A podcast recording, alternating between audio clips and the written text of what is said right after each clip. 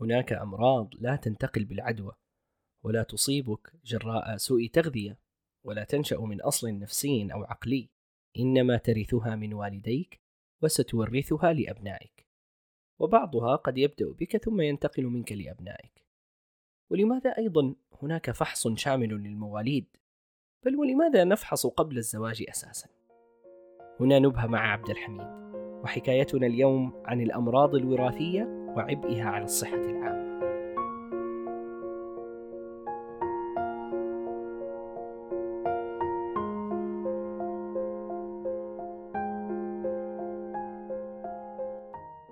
سآخذكم في لفة سريعة حول الدماغ. دماغنا هذا الجزء العظيم والمبهر من جسمنا محاط بأغشية تسمى السحايا. هذه السحايا مكونة من ثلاث طبقات ندعوها بالأم الجافية والأم العنكبوتية والأم الحنون. نعم نعم أعلم أن أسماءها عجيبة بعض الشيء، لكن دعونا نذهب لشاهدنا. كأي عضو في جسمنا فدماغنا يحتاج للدم وبشدة ولهذا نجد أن الأوعية الدموية تصل لهناك بتفرعات كثيرة لتمده بالدم باستمرار. هذه الأوعية الدموية في بعض الناس قد تكون متمددة أنيوريزم وهو أمر ليس بالطبيعي. وجود التمدد يعتبر عامل خطورة لانفجارها. وإن انفجرت لا قدر الله فسيصاب الشخص بنزيف بالمخ وتحديدا ما يسمى بالنزف تحت العنكبوتية. عموما ما علاقة هذا بحكايتنا؟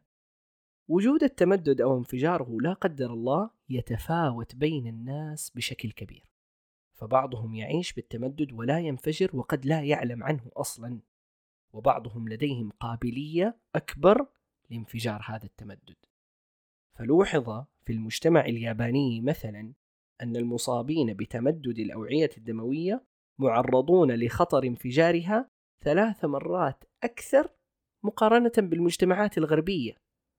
غريب، أليس كذلك؟ هذا سيفتح الباب لتكهنات عديدة.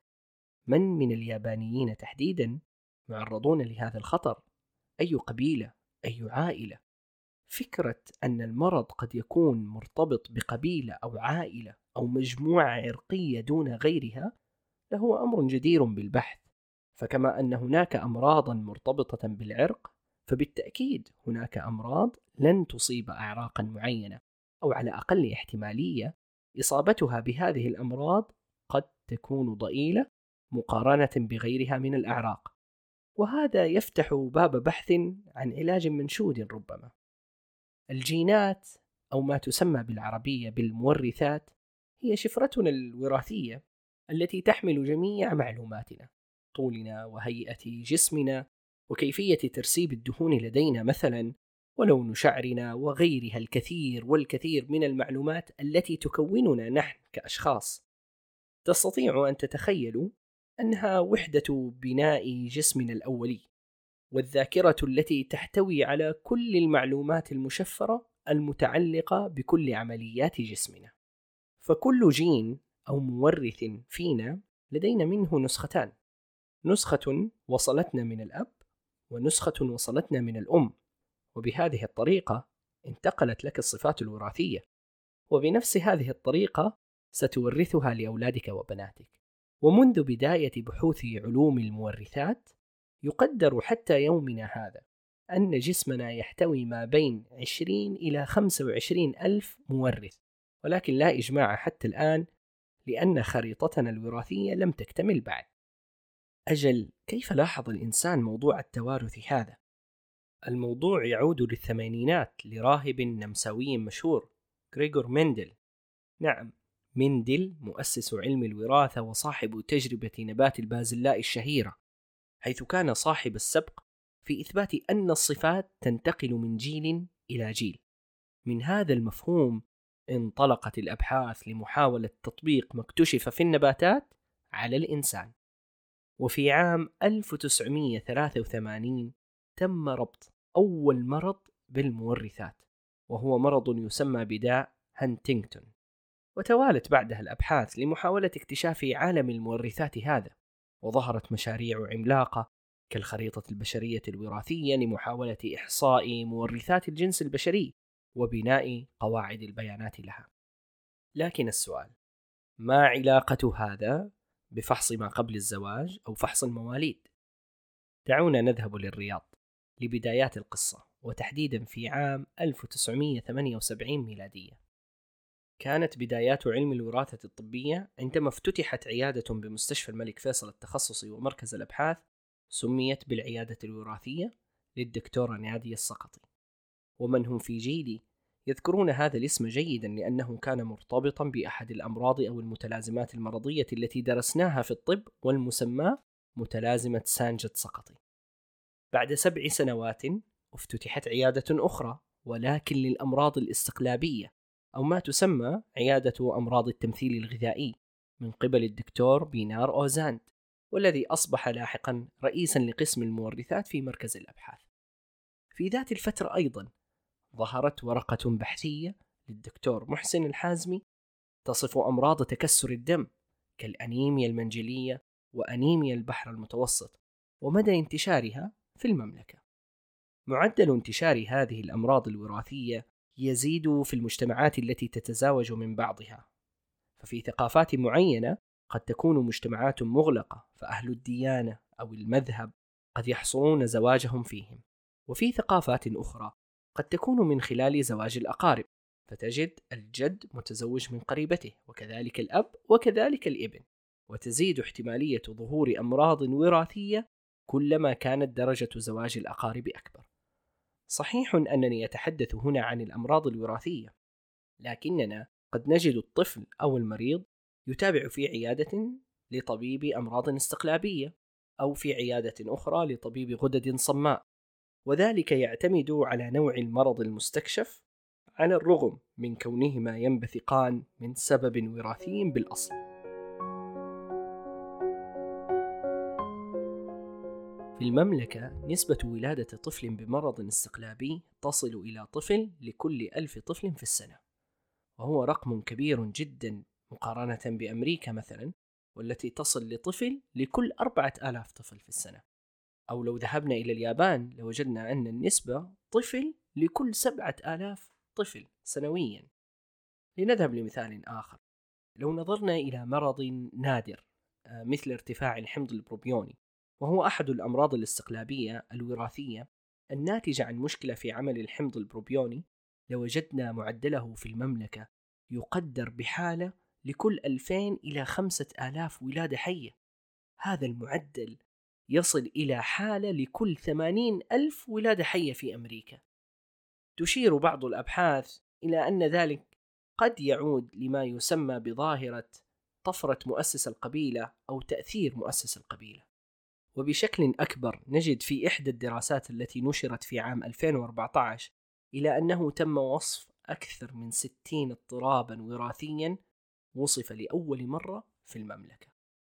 ولأن مضاعفات بعض الأمراض الوراثية قد تكون مميتة أو تؤثر بشكل كبير على جودة حياة المريض وأهله. وأيضا لأن معدل الولادة لدينا مرتفع أضف إلى ذلك معدل زواج الأقارب المرتفع. فكان البحث عن الوقاية من هذه الأمراض الشغل الشاغل لذا ظهرت فكرة برنامج وطني للفحوص الاستكشافية والتي قد تساهم في تشخيص المرض قبل حدوث أعراضه سواء كان تشخيصا جينيا أم غير ذلك. ففي عام 2005 بدأ تفعيل البرنامج الوطني لفحص المواليد والذي يهدف لفحص الأمراض الاستقلابية أو أمراض الغدد الصماء ذات المنشأ الوراثي بالطبع. وعندما بدأ البرنامج كان يتضمن 16 مرض أو اعتلال إن صح التعبير ومن خلال هذه الفحوصات تم الكشف عن حالات متعددة تنتشر في المملكة لعل أبرزها وأكثرها انتشارا هي حالات قصور الغدة الدرقية الخلقي وتضخم الغدة الكظرية الخلقي. برنامج وطني كهذا يمكن أن يساهم في رسم الخريطة الوطنية لأكثر الأمراض الوراثية التي تصيب الأطفال، إذا ما تم الحفاظ على استمراريته وجودة تشغيله ومراقبة دقة نتائجه، بلفظ آخر إذا ما كان هنالك استدامة لبرنامج الرصد الاستكشافي. ولو انتقلنا لفحص ما قبل الزواج لوجدناه بدأ في عام 2004 ويتضح الهدف منه لتوعية الزوجين المستقبليين بصحة كل منهما عن الآخر ولتوعيتهم باحتماليات إنجاب أبناء حاملين لأمراضهم الوراثية. لكن ذلك محدود جدا. ففحص ما قبل الزواج يركز على ثلاث أمراض معدية الإيدز التهاب الكبد الفيروسي باء وجيم ومرضين وراثيين فقط. هما الأنيميا المنجلية وأنيميا البحر المتوسط. وعلى الرغم من أن فحص الزواج قد يكشف احتمالية إصابة المواليد بمرض وراثي إلا أن ذلك لا يمنع من إتمام الزواج إذا رغب الطرفان. تشير نتائج بحثية أجريت ما بين عامين 2004 و 2005 إلى أن ما يقرب من 90% من الزوجين المستقبليين استمروا بعقد قرانهم وزواجهم على الرغم من نتيجة فحصهم الإيجابية. وهذه النسبة وصلت إلى 73% في دراسة أخرى في نفس ذات العقد. وتظل هذه نسبة كبيرة ومقلقة. الأمراض الوراثية عالم كبير ومتجدد بشكل سريع حتى في أدبياتنا الطبية. لا يكاد يمر وقت دون اكتشاف جذري لهذا العالم. وعلى الرغم من برنامجي الفحص المذكورين آنفا إلا أنهما لا يكشفان عن كل شيء. ولذلك نجد أن هناك فحوصات أخرى أوسع وأشمل لمعرفة وضعك الصحي من الناحية الوراثية لك ولأطفالك وهذا أمر بالغ الأهمية خاصة للمجتمعات أو الأفراد الذين يدركون انتشار مرض معين في عوائلهم أو مقبلون على زواج أقارب لا سيما وإن كان من الدرجة الأولى. فاليوم نقف على تقنيات متقدمة تسمح بتشخيصات مبدئية تساعدك في فهم المخاطر الوراثية التي قد تنقلها لأبنائك وبناتك. المورثات لا ترسم مصيرك بشكل قاطع، فليس كل مرض وراثي لديك قد يظهر في الأبناء، وليست كل زيجة أقارب قد تجلب مرضه، لكن الملاحظة والرصد أثبتتا حدوث ذلك إذا ما تضافرت عدة أسباب. لذلك افحص قبل أن تبدأ مشروع الزواج. افحص إذا علمت بمرض منتشر في عائلتك. افحص إذا كان زواج الأقارب لديكم سائدة. ابدأ بالوقاية حتى لا تبدأ بالعلاج. ألقاكم في حكاية أخرى في داعة الله.